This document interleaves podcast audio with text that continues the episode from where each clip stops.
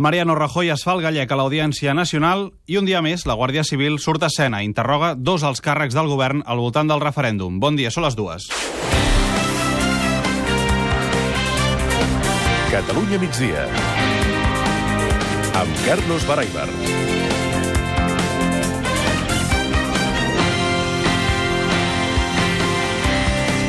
Per primera vegada a la història, avui ha declarat el president del govern espanyol davant d'un tribunal. Ho ha fet Mariano Rajoy en qualitat de testimoni del cas Gürtel.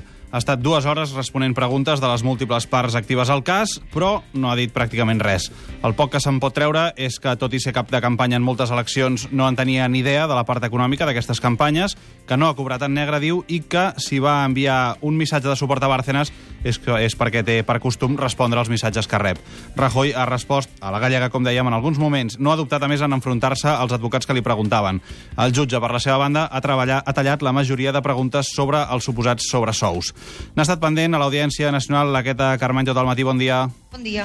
Aquest justament avui hem sentit Rajoy per partida doble. No acostuma a sortir massa, doncs avui en dues tasses. Dues hores davant del jutge i quan ha acabat ha comparegut en roda de premsa a la seu del partit de Gènova. Sí, podríem resumir la intervenció de Mariano Rajoy a l'audiència amb les frases no en tinc ni idea, no ho sabia i punt, o no ho coneixia en absolut.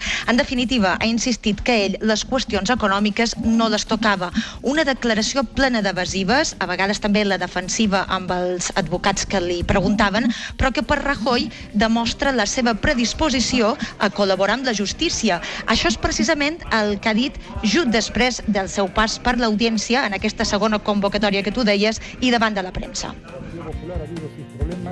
Y sus historias, como las ha habido y muchas en otras fuerzas políticas distintas. Estamos decididos a combatir la corrupción, a ganar la batalla y lo primero para ello va a ser seguir siendo colaboradores fieles de la justícia espanyola. Doncs de seguida amb la queda desgranarem aquestes dues hores de compareixença, sentirem els millors moments perquè hi ha alguna perla a les quals ens té acostumats Rajoy. D'aquestes declaracions de Rajoy en podria sortir una altra, en aquest cas al Congrés, perquè Podem vol convèncer el PSOE de forçar Rajoy a donar explicacions d'aquesta declaració en seu parlamentària i el PSOE va més enllà. Encara a Madrid, Àngels Lafuente, bon dia. Bon dia, sí, i ho ha fet Pedro Sánchez, que ha exigit al president espanyol que dimiteixi i que ho faci immediatament. Señor presidente, si usted no pone fin a su agonía, desgraciadamente acabarán agonizando las instituciones y nuestra democracia. Así que solamente le queda una salida honorable. Presente su dimisión oficial ante el rey esta misma mañana. I mentre això passava a Madrid, com ja és habitual en paral·lel a Barcelona, la Guàrdia Civil tornava a actuar al voltant del referèndum. Avui no hi ha hagut entrada al Parlament o a la Generalitat, sinó una declaració de dos alts càrrecs del govern a la caserna de la Travessera de Gràcia, on hi tenim el Marc Jurado. Bon dia. Bon dia, Carlos. Concretament, el secretari general de Presidència, Joaquim Nin, i el director general d'Atenció Ciutadana, Jordi Graells. El primer ja ha declarat i marxat, i el segon encara és a la caserna de la Guàrdia Civil a la Travessera de Gràcia de Barcelona. Tot plegat sembla ordre del mateix jutge que investiga Santi Vidal i que fa dues setmanes va enviar la Guàrdia Civil al TNC. En aquest context, avui hi ha hagut sessió de control al president de la Generalitat al Parlament. Allà s'hi ha parlat d'aquest informe que va elaborar la vicepresidència econòmica de la Generalitat, al qual han tingut accés diversos mitjans de comunicació, en què es reconeixeria que algunes adjudicacions d'obra pública de l'època del govern Mas podrien haver estat arreglades o manipulades o que, de la manera que estaven fetes, donaven marge a adjudicacions a dit. Parlament, Glòria Marín, bon dia. Bon dia. Arran d'aquest informe, el PP ha demanat la dimissió de Puigdemont i la convocatòria d'eleccions, mentre que Ciutadans ha acusat Esquerra de ser una ganga pel govern perquè els ajuden a amagar la corrupció. El president s'ha defensat dient que s'ha fet una mala interpretació del que diu l'informe i ha defensat la gestió feta durant el govern de Mas, tot recordant-li al PP que avui el president Rajoy ha declarat pel cas Gürtel. A Madrid ja s'hi han agafat, ha reaccionat Soraya Sánchez Santa Maria, que creu que amb aquest informe Junqueras fa xantatge a Puigdemont. ¿Eso está condicionando de alguna manera las decisiones del señor Puigdemont? ¿Eso está llevando a que el señor Puigdemont pierda libertad en favor del señor Junqueras a la hora de conducir su gobierno a una radicalidad inédita en Catalunya?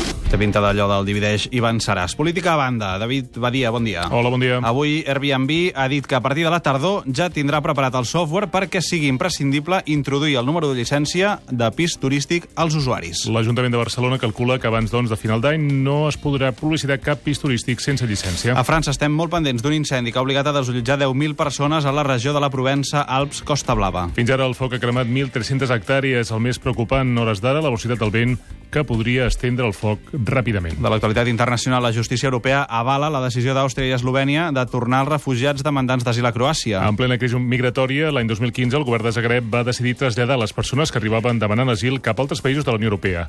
Arran de diferents denúncies de particulars, avui el Tribunal Europeu de Justícia de la Unió afirma que el país responsable d'examinar la petició d'asil és el primer on arriba el refugiat. A Venezuela comencen 48 hores de vaga general convocada per l'oposició contra la votació d'una assemblea constituent prevista per diumenge. El líder opositor Leopoldo López ha fet una crida a l'estament militar perquè doni suport a les mobilitzacions. Yo los invito a que no sean cómplices de la aniquilación de la República, que no sean cómplices de un fraude constitucional. I es desbloqueja aquest nou projecte de Ferran Adrià allà on hi havia el Bulli, a Cala Montjoi. Tiraran endavant finalment les obres de la nova instal·lació. Han superat un altre entrebanc. Girona, Mar Vidal, de què es tracta?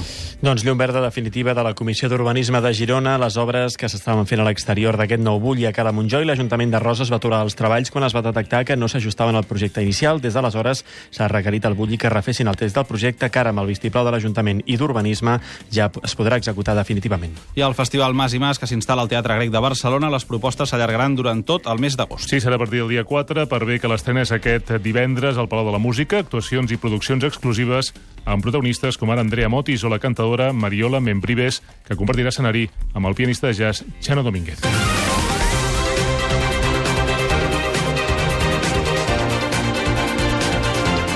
I quan ja ens pensàvem que havia que s'havia tancat el tema, els culers ja respiraven tranquils perquè Neymar es quedava, perquè ho havia dit aquest eh, president jugador Gerard Piqué, doncs sembla que no, que tot queda obert, que continua la incertesa perquè allò que va penjar Piqué de la foto amb Neymar posant que es queda, era només, diu ara Piqué, una opinió personal. Robert Prat, bon dia. Bon dia, això mateix. Diu que només expressava una opinió i que és el club i, en tot cas, el jugador aclarit qui ha de decidir si es queda i continua al Barça o si decideix marxar. Avui els blaugrana juguen contra el Manchester United i el Madrid contra el City. Un Madrid que intenta tancar el fitxatge d'Mbappé per una quantitat pròxima als 180 milions d'euros.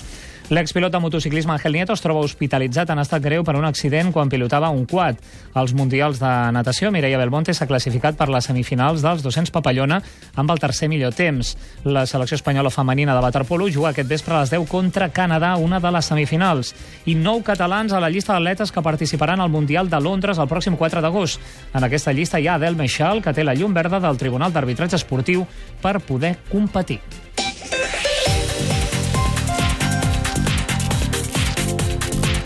Fem un cop d'ull al temps, que ha estat inestable aquests últims dies, han ruixat fins i tot aquesta nit, almenys aquí a Barcelona, segur que en altres punts del país. Eloi Cordomí, bon dia. Hola, bon dia.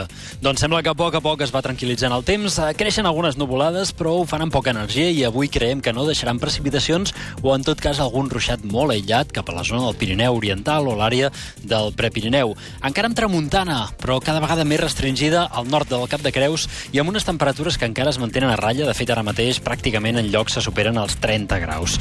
Sembla que aquests pròxims dies sí que pujaran amb més ganes els termòmetres. Demà ja s'esperen màximes de més de 35 a les zones més càlides. Sembla, doncs, que torna a poc a poc l'ambient d'estiu. Gràcies, Eloi, bon dia. Que vagi bé. Aquesta informació ha estat elaborada en coordinació amb el Servei Meteorològic de Catalunya.